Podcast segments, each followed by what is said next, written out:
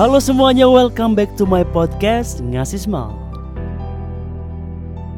Di suasana Ramadan ini semoga kalian senantiasa diberikan kesehatan dan juga diberikan semangat untuk menjalani ibadah puasanya.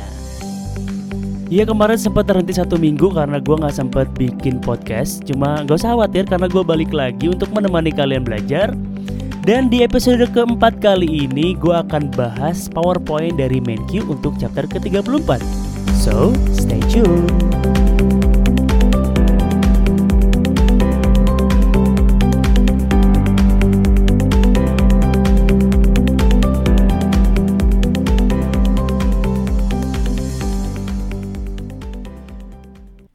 Iya di chapter ke-34 ini kita akan membahas mengenai the influence of Monetary and Fiscal Policy on Aggregate Demand.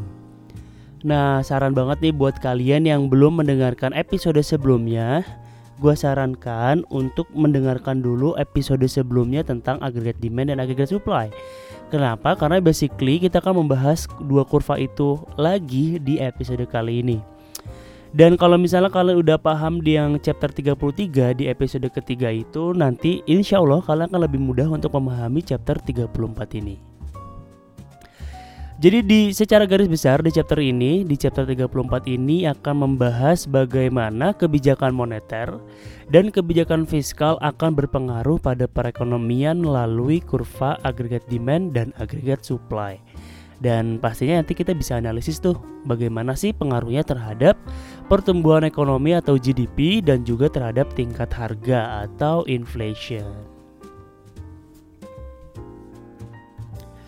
Oke langsung aja kita langsung ke slide nomor 3 kita recall sedikit bahwa di kurva AD atau aggregate demand curve slopes downward for three reasons. Jadi kenapa kurva aggregate demand itu downward sloping? Setidaknya ada tiga alasan. Yang pertama ada wealth effect, ada interest rate effect, dan ada exchange rate effect. Dan sebenarnya ini sudah dijelaskan di chapter sebelumnya. Wealth effect itu ya melalui consumption, interest rate effect itu pengaruh dari harga ke tingkat suku bunga, nanti ngaruhnya ke interest rate, uh, sorry ke investment rate. Kemudian kalau exchange rate dari harga akan mempengaruhi exchange rate kemudian nanti akan berpengaruh pada ekspor impor di mana ekspor impor investment merupakan komponen dari agregat demand. Kalau di PowerPoint ini disebutkan bahwa uh, wealth effect itu nggak terlalu berpengaruh untuk di perekonomian Amerika. Sementara interest rate effect itu ya bisa dikatakan the most important of this effect for the US economy.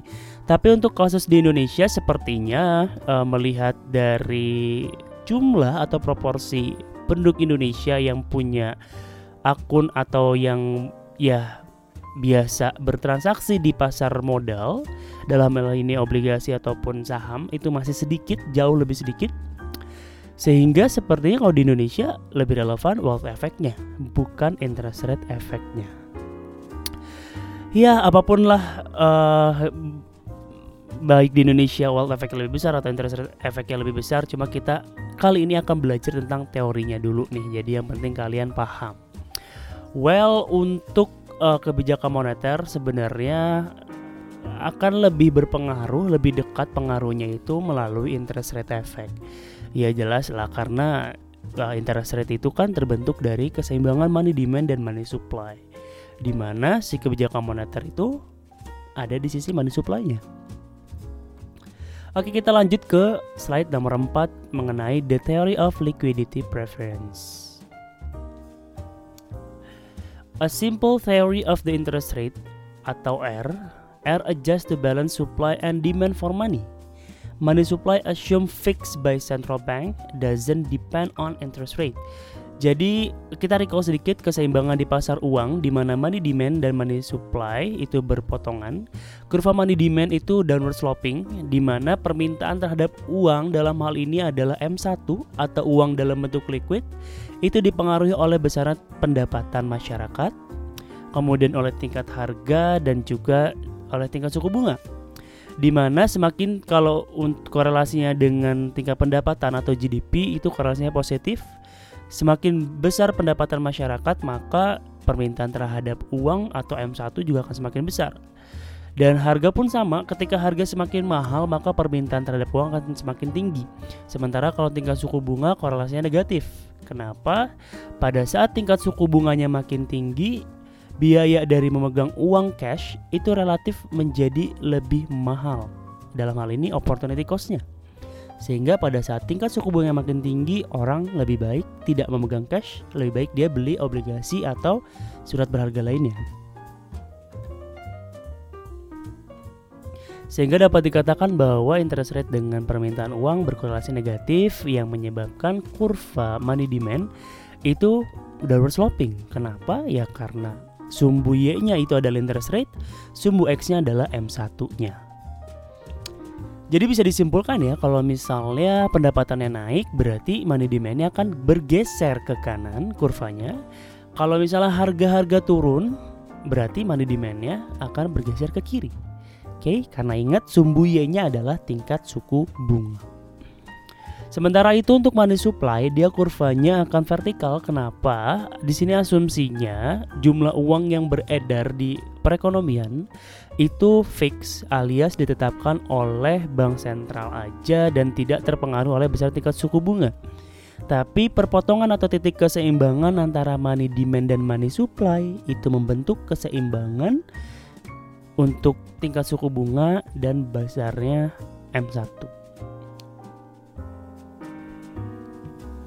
Di slide kelima dijelaskan bahwa the theory of liquidity preference Money demand reflects how much wealth people want to hold in liquid form dalam hal ini M1 For simplicity, suppose household wealth includes only two assets yaitu money yang sifatnya liquid but pays no interest yang kedua dalam bentuk bonds pay interest but no at, not as liquid.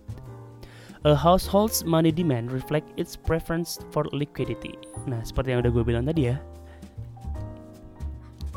Kita lanjut aja di sini di slide ke-6. Suppose real income atau Y rises, oke, okay, jadi GDP-nya naik, other things equal, ceteris paribus. Apa yang akan terjadi terhadap money demand? Oke. Okay? Gue ingatkan lagi ya, sumbu Y-nya itu di kurva pasar uang, Y-nya adalah interest rate, sumbu Y-nya, sumbu X-nya itu adalah M1. Sementara yang mempengaruhi money demand itu adalah Y, ada P, dan ada R.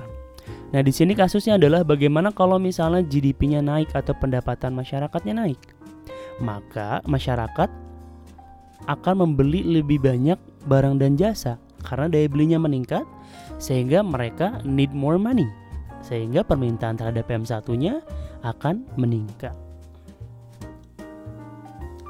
Nah, tapi kalau kasus di Menq ini dia bilang to get this money, they attempt to sell some of their bonds. Ya, ini kasusnya di Amerika yang mana uh, masyarakat yang memiliki bonds itu ya udah major gitu loh.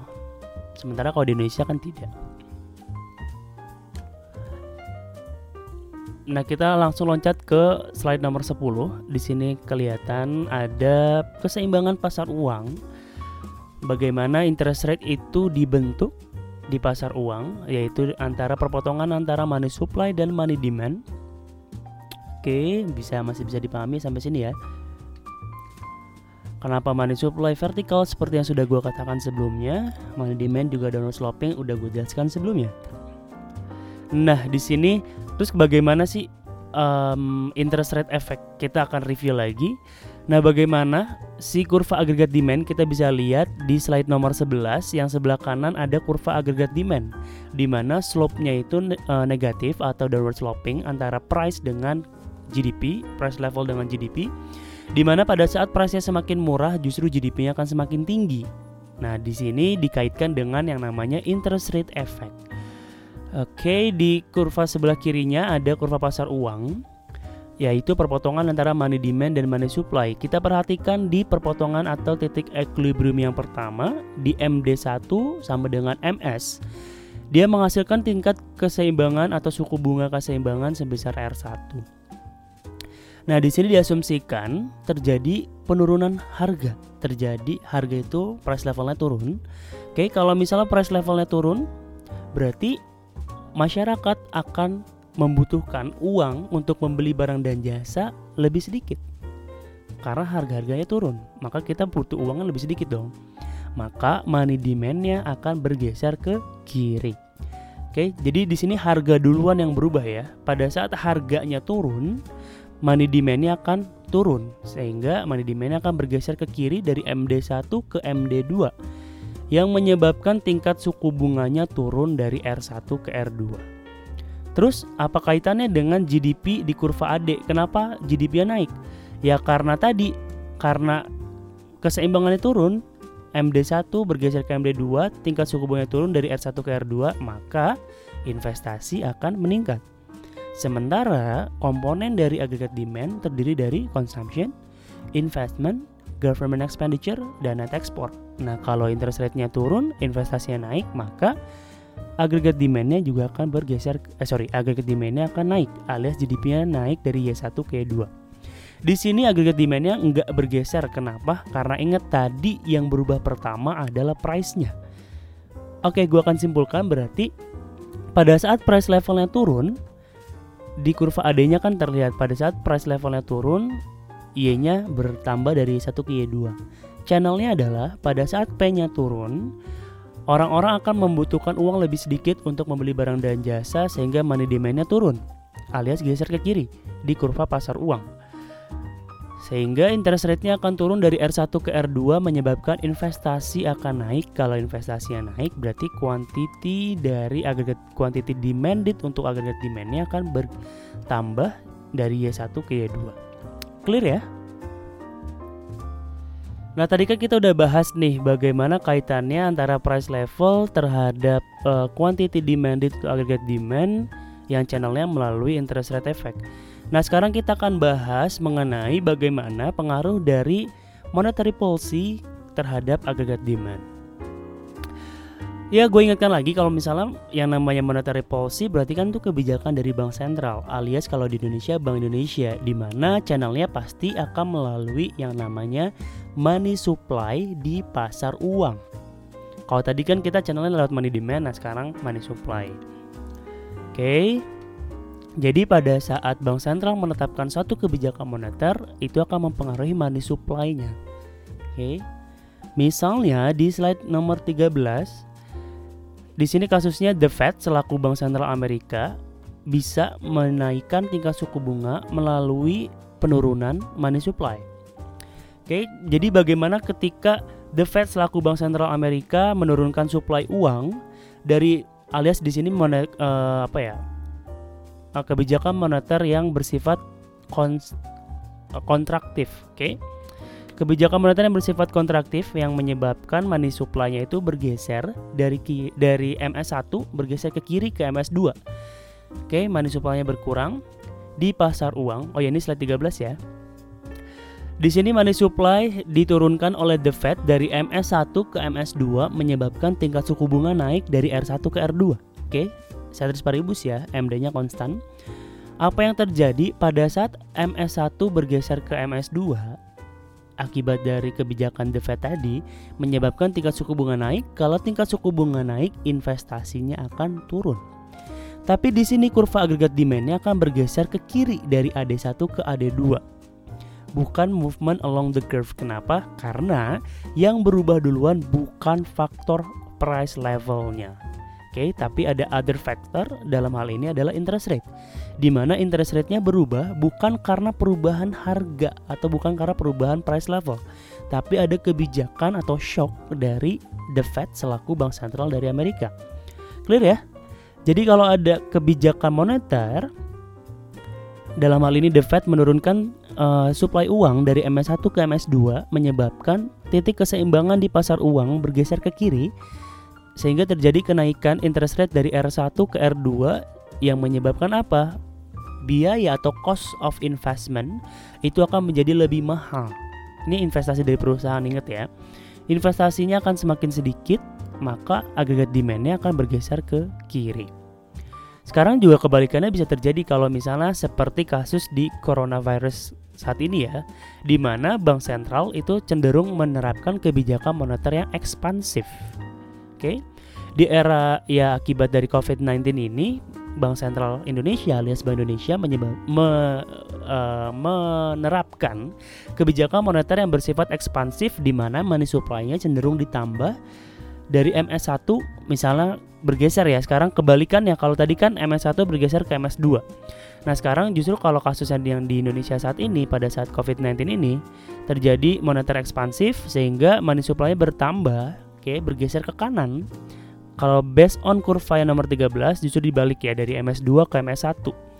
Harapannya apa? Ya menyebabkan tingkat suku bunga turun. Kalau tingkat suku bunganya turun akan mengimpuls atau akan mendorong terjadi kenaikan agregat demand atau pergeseran agregat demand ke kanan. Seperti itu. Oke clear ya. Jadi kalau misal kebijakan moneter berarti kalian langsung pola pikir kalian langsung ke kurva keseimbangan di pasar uang aja money demand money supply. Oke. Jadi kalau nanti kalian nemu soal bagaimana pengaruh dari kebijakan moneter, misalnya uh, Bank Indonesia mengurangi jumlah uang beredar dengan instrumennya misalnya giro wajib minimumnya dinaikkan berarti kan money supply diturunin kan kalau money supply diturunin MS-nya geser ke kiri kalau MSA geser ke kiri, keseimbangannya berubah ke kiri. Interest rate-nya naik, interest rate-nya naik, investasinya turun. Kalau investasinya turun, agregat demand-nya akan bergeser ke kiri. Ingat agregat demand-nya bergeser ke kiri ya. Bukan movement along the curve karena yang berubah pertama bukan price level.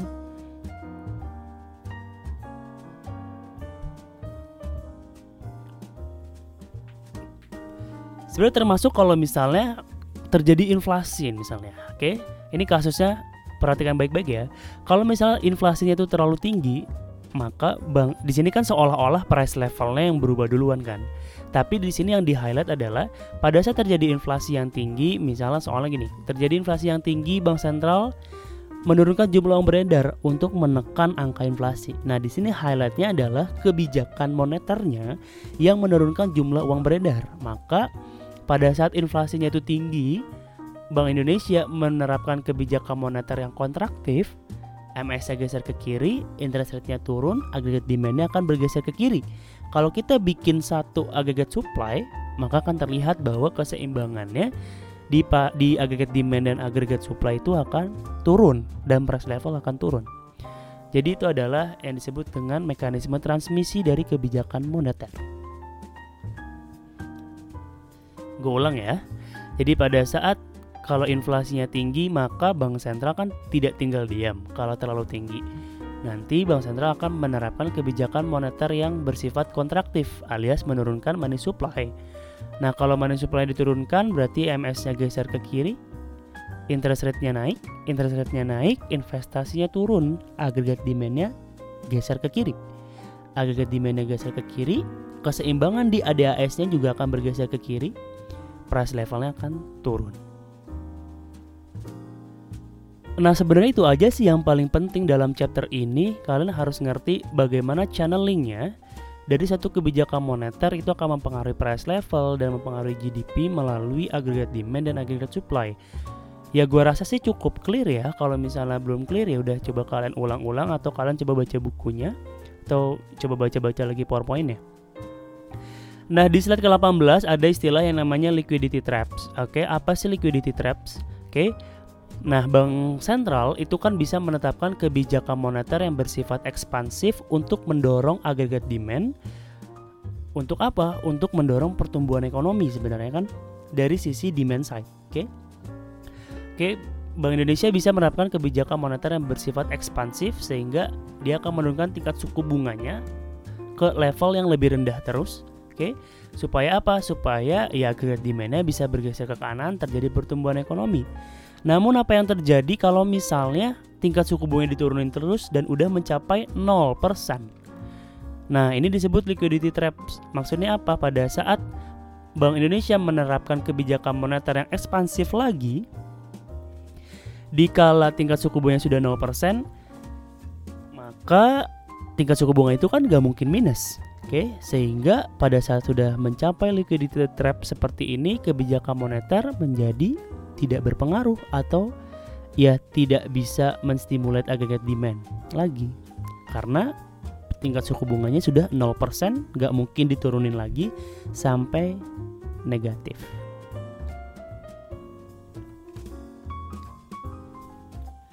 Well, itu dari sisi kebijakan moneter. Nah, sekarang kita masuk ke fiscal policy. Ya, cukup cepat ya di chapter kali ini. Oke, tadi kan kita udah bahas dari moneter. Kalau moneter itu nggak jauh dari keseimbangan pasar uang, kemudian nanti ngaruh ke interest rate. Kalau udah ngomongin interest rate, pasti lebih dekat ke investasi kan. Sementara kalau fiscal policy, ini pasti kasusnya itu kita akan berkutat di government expenditure dan tax. Ya karena instrumen dari fiscal policy adalah APBN kalau di Indonesia ya. Sama sih sebenarnya, cuma istilah APBN-nya beda-beda aja di setiap negara. Oke, jadi instrumen dari fiscal policy atau kebijakan fiskal yang di Indonesia dipegang otoritasnya oleh Kementerian Keuangan itu menggunakan instrumen dari APBN. Nah, di APBN itu kan ada kolom penerimaan dan ada kolom pengeluaran. Kalau pengeluarannya disebut government expenditure, kalau penerimaannya disebut uh, mostly kita bahasa dari tax. Walaupun sebenarnya penerimaan di APBN itu bukan cuma dari tax aja, ada juga uh, penerimaan negara bukan pajak atau PNPB, PNBP. Ya, itulah. Well, di sini tentu ada korelasinya antara fiscal policy dan aggregate demand. Ya kalian coba uh, buat lagi aja keseimbangannya kan Y atau agregat demand itu sama dengan C plus I plus G plus NX di situ ada G. G itu jelas-jelas government expenditure. Oke? Okay? dan kalau tax ngaruhnya di mana? Ya ingat aja. Kalau misalnya consumption itu adalah faktor dari Y dikurangi T jadi pendapatan dikurangi tax. Karena pendapatan yang digunakan untuk consumption dan investment sebenarnya adalah disposable income, di mana pendapatan setelah dikurangi pajak. Kalau pajaknya makin tinggi, disposable income-nya makin rendah, consumption-nya akan semakin rendah. Consumption-nya makin rendah, aggregate demand-nya akan turun. Sementara kalau G ya jelas kalau government expenditure yang ditambah, ada direct effect juga langsung ke AD. G-nya nambah berarti AD-nya juga akan bertambah. Ya di sini dijelaskan bahwa ada istilah ya sama seperti moneter tadi ada ex expansionary fiscal policy yaitu pada saat ya ekspansi berarti uh, fiskalnya itu ekspansi di mana government expenditure itu dinaikkan atau dan atau taxnya diturunkan. Jadi untuk mendorong aggregate demand itu bergeser ke kanan. Sementara kalau kontrak contractionary fiscal policy kontraksi atau kontraktif berarti kan itu kebalikannya justru uh, dia akan berusaha untuk mendorong atau menarik sorry mendorong atau menarik ya well apa apa aja lah itulah untuk um, menyebabkan si agregat demandnya bergeser ke kiri. Jadi government expenditure-nya diturunkan dan atau pajaknya dinaikkan. Yaitu fiscal policy jenis-jenisnya ya. Nah kalau tadi kan di um, monetary policy itu kan kita channelingnya itu lebih indirect ya. Jadi dari fiscal policy, eh, sorry monetary policy berpengaruh pada money supply money demand, interest rate-nya berubah, baru ke investasi. Nah investasinya berubah, baru agregat demand-nya berubah. Tapi kalau di fiscal policy ini lebih ke langsung direct effect gitu loh. Jadi dari government expenditure, makanya di sini nggak banyak kurva. Di slide 21 bahkan langsung AD AD-nya aja bergeser ke kanan atau ke kiri. Jadi pada saat government expenditure naik ya udah automatically AD-nya geser ke kanan. Kalau government expenditure diturunkan, automatically AD-nya akan geser ke kiri. Kalau tax-nya dinaikkan berarti kan consumption-nya turun, consumption-nya turun, ya udah agregat demand-nya akan geser ke kiri dan sebaliknya. Seperti itu ya. Paling di sini sih biasanya kalau di soal-soal itu nggak yang langsung nge-state government expenditure naik, tapi lebih ke budget defisitnya dinaikkan atau ya budget surplusnya diturun dinaikkan.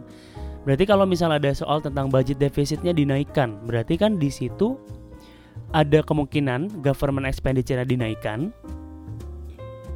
atau taxnya diturunkan atau keduanya government expenditure dinaikkan ditambah taxnya di um, sorry tadi apa ya budget defisit ya budget defisitnya dinaikkan berarti bisa aja government defisitnya government expenditure dinaikkan taxnya diturunkan atau bisa kedua-duanya jadi sekaligus nah Di sini makanya ada yang namanya multiplier effect. Nah, sebenarnya multiplier effect ini nggak cuma di government expenditure aja sih. Mungkin kalian, uh, terutama anak-anak FEBU ini, udah pernah belajar di Matek Bis. Waktu itu pakai matrix yang inget gak? Yang Y sama dengan YCT YCT itu Y sama dengan C plus I plus G plus NX di mana C-nya dielaborasi lagi jadi Y sama dengan A minus B minus B sorry A plus BY minus BT plus I plus G plus NX nah terus itu nanti di kotak-katik kotak-katik sampai dapat persamaan yang di slide ke 23 Nah sebelum ke situ multiplier effect itu apa sih? Kita balik ke uh, sorry ke slide uh, nomor 20. Jadi multiplier effect itu ya seperti money multiplier sih pada saat government expenditure ditambah sebesar 100 misalnya, maka ya pertumbuhannya itu nggak cuma sebesar 100, bisa lebih dari 100. Jadi ada efek penggandanya seperti itu. Jadi pada saat government expenditure ditambah 100, GDP-nya itu nambah berapa sih? Apakah nambah 100 juga atau lebih kecil dari 100 atau lebih besar daripada 100? Nah, ini sangat dipengaruhi oleh yang namanya multiplier effect ini. Nah, maksudnya gimana? Channelnya gimana sih multiplier effect ini? Nah, di uh, slide nomor 21 dijelaskan pada saat government expenditure naik idealnya kan berarti kalau G-nya naik dari uh, naik sebesar 20 dolar kalau di sini ya. Harusnya kan gesernya itu dari AD1 ke AD2 aja sebesar 20 billion. Tapi ternyata kenyataannya tidak sebesar itu, akan lebih besar. Bahkan dari AD1 bergeser sampai ke AD3. Ini disebabkan adanya multiplier effect. Gimana channelnya? Channelnya adalah pada saat government expenditure naik, maka AD-nya akan shifting ke kanan menyebabkan GDP-nya naik. Ingat kalau GDP-nya naik berarti kan consumption naik, investment juga bisa naik kan. Nah, itu adalah efek penggandanya gitu makanya si agregat demand itu bukan cuma bergeser dari AD1 ke AD2 tapi dari ada juga efek pengganda dari AD2 ke AD3 oke jadi pada saat G-nya naik uh, eh, AD-nya geser ke kanan GDP-nya naik GDP-nya naik consumption juga akan naik, investment juga akan naik sehingga ada ya faktor secara tidak langsung indirect efeknya gitu loh yang menyebabkan si AD-nya itu bergeser sampai ke AD3 sehingga GDP-nya itu bertambah bukan dari Y1 aja tapi sampai ke Y3. Ini sampai berapa kali dia terjadi seperti itu? Nah, ini tergantung dari multipliernya. Kalau multiplier efeknya bernilai 2, berarti itu akan dua kali lipat. Oke. Okay? Sementara kalau misalnya multipliernya bernilai 10 berarti akan 10 kali lipatnya dari penambahan government expenditure-nya. Seperti itu. Jadi kalau misalnya multiplier efeknya bernilai 10 terus government expenditure ditambah 20 berarti GDP-nya itu akan tumbuh bukan sebesar 20 tapi 20 dikali 10 alias 200. Oke. Jadi akan bertambah 10 kali lipat.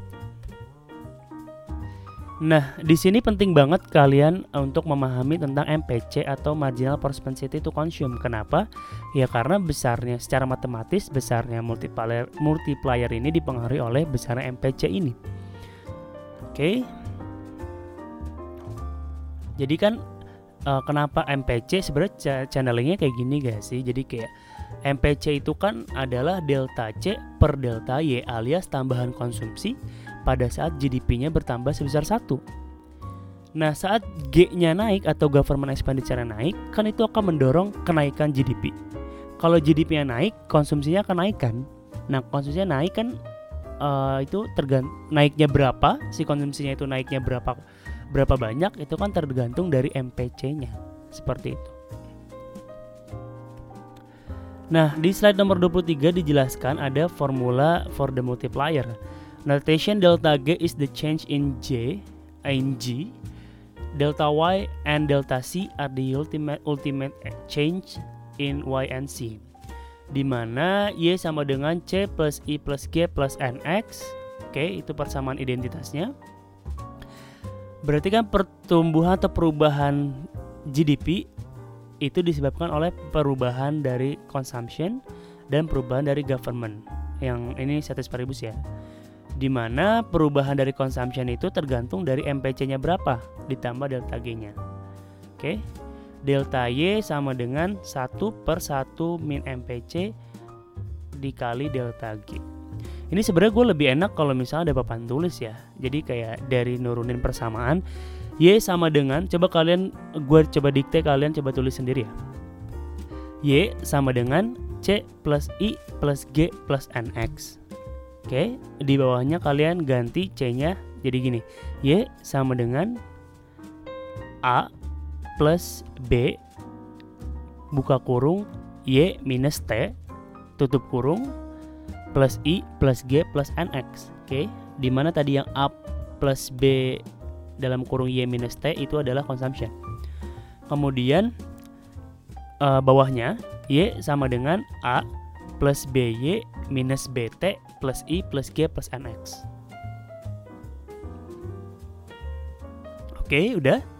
Nah, terus di bawahnya lagi kita gabungkan yang semua Y sama Y lagi. Berarti kan Y minus BY sama dengan A minus BT plus I plus G plus NX. Oke. Terus di bawahnya Y minus BY itu bisa kita jadikan sama dengan 1 minus B dalam kurung dalam kurung 1 minus B dikali Y. Iya kan? Sama dengan A minus BT plus I plus G plus NX. Oke. Y-nya kita buat dia sendiri, berarti jadi Y sama dengan ini bisa gue tulis kayak gini kan, Y sama dengan dalam kurung A minus BT plus I plus G plus NX tutup kurung dikali 1 min B pangkat min 1. Oke? Okay? Berarti kan si 1 min B pangkat min 1 tuh dikali masing-masing Berarti kan A dikali 1 minus B pangkat min 1 Dikurangi BT dikali 1 minus B pangkat min 1 Terus ditambah I dikali 1 min B pangkat min 1 G ditambah G dikali 1 min B pangkat min 1 Dan seterusnya Pokoknya dikali masuk kan bisa kan Nah sekarang berarti kan tadi uh, kita punya equationnya itu Y sama dengan dalam kurung A minus BT plus I plus G plus NX tutup kurung dikali 1 minus B pangkat min 1 Oke dalam kurung 1 minus B pangkat min 1 Nah berarti kan si Y ini akan berubah akibat perubahan variabel-variabel yang di sebelah kanan kan. Nah sekarang multi, uh, termasuk Y ini akan berubah pada saat G berubah kan Karena G itu uh, Y itu adalah faktor dari G juga Nah sekarang kita mau lihat nih berapa be berapa besar si GDP-nya itu berubah akibat perubahan G. Oke, berarti kan ayo matek bisnya. Berarti kan ini kita bisa bentuk kalau di matematika dalam persamaan sorry dalam bentuk diferensial kan atau turunan.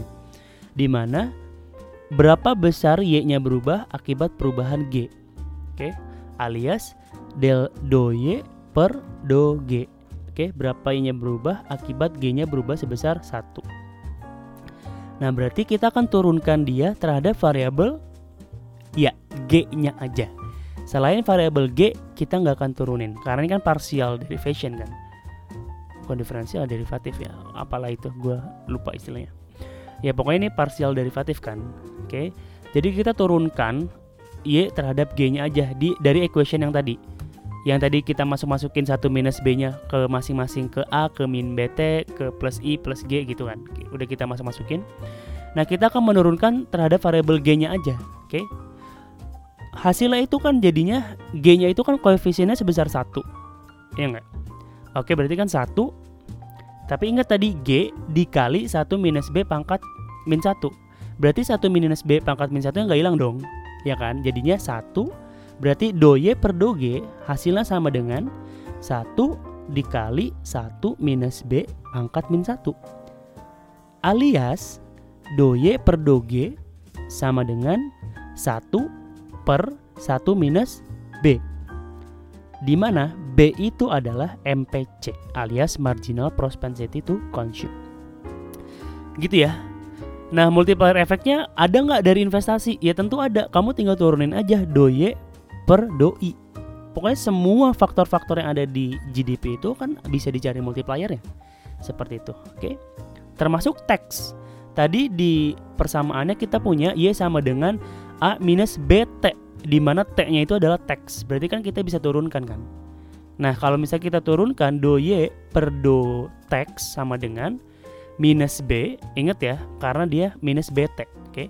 Minus B dikali 1 minus B pangkat min 1 alias do Y per do tax sama dengan minus B per 1 minus B alias min MPC per 1 min MPC.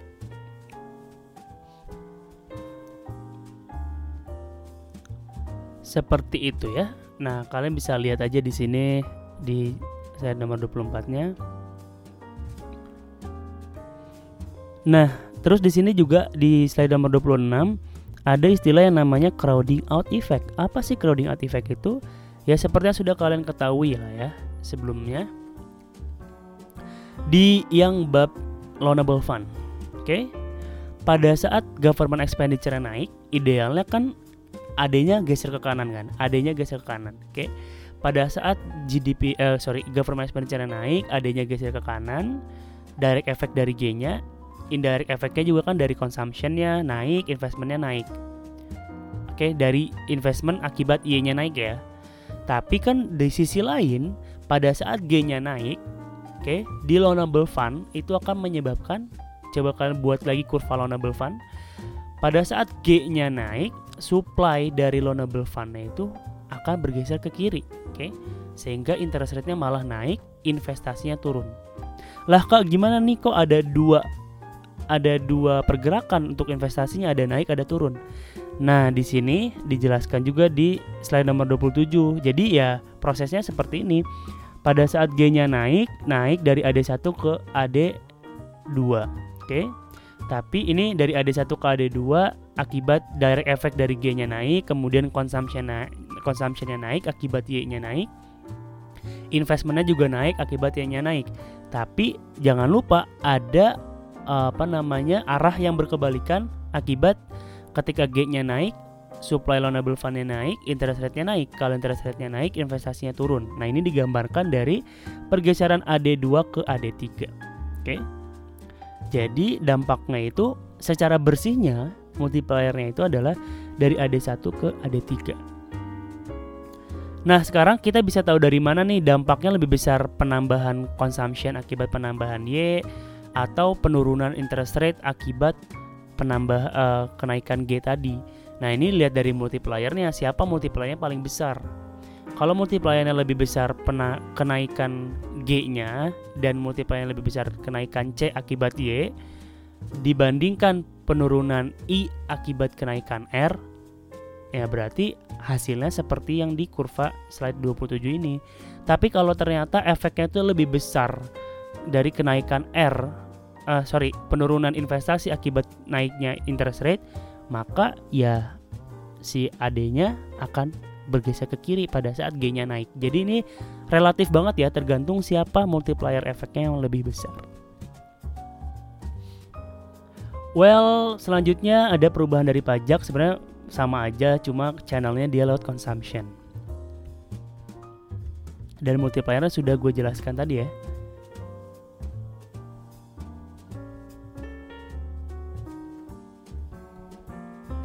Oke, kayaknya untuk chapter kali ini sudah cukup jelas sampai di situ aja itu yang paling penting yang untuk kalian pahami yaitu bagaimana monetary policy itu berpengaruh pada agregat demand channelnya melalui pasar uang. Ingat ya kalau monetary policy berarti akan menggeser money supply-nya aja. Oke, uh, money supply-nya bergeser ke kanan ke kiri, interest rate-nya berubah di pasar uang, investasinya berubah, agregat demand-nya berubah. Sementara kalau misalnya di government expenditure, sorry di fiscal policy, instrumennya lewat APBN, sehingga pada saat ada kebijakan fiskal, dia naikin anggarannya atau nurunin pajak atau naikin pajak atau nurunin anggarannya, maka ada direct effect lewat government expenditure-nya. Terus ada indirect effect-nya lewat consumption, terus lewat investment juga yang disebut dengan multiplier effect-nya. Seperti itu. Oke. Silakan kalian review lagi, baca-baca lagi bukunya atau baca-baca lagi powerpointnya atau kalian juga bisa coba rewind, maksudnya kayak denger-dengerin lagi dari awal kalau ada yang kurang paham. Uh, bisa langsung di chat ke gua aja, ditanyain langsung, kita bisa diskusi bareng-bareng. Termasuk kalau misalnya gua ada kekeliruan di dalamnya, gua sangat welcome. Well, thank you banget yang udah mau dengerin untuk channel podcast gua yang uh, episode keempat ini mengenai uh, fiscal and monetary policy pengaruhnya terhadap agregat demand, terhadap perekonomian melalui agregat demand dan agregat supply. Oke, semoga kalian senantiasa sehat-sehat selalu dan semakin semangat dalam berpuasa. Dan gue nggak mau banyak ngomong deh lagi puasa guys. Aus bro.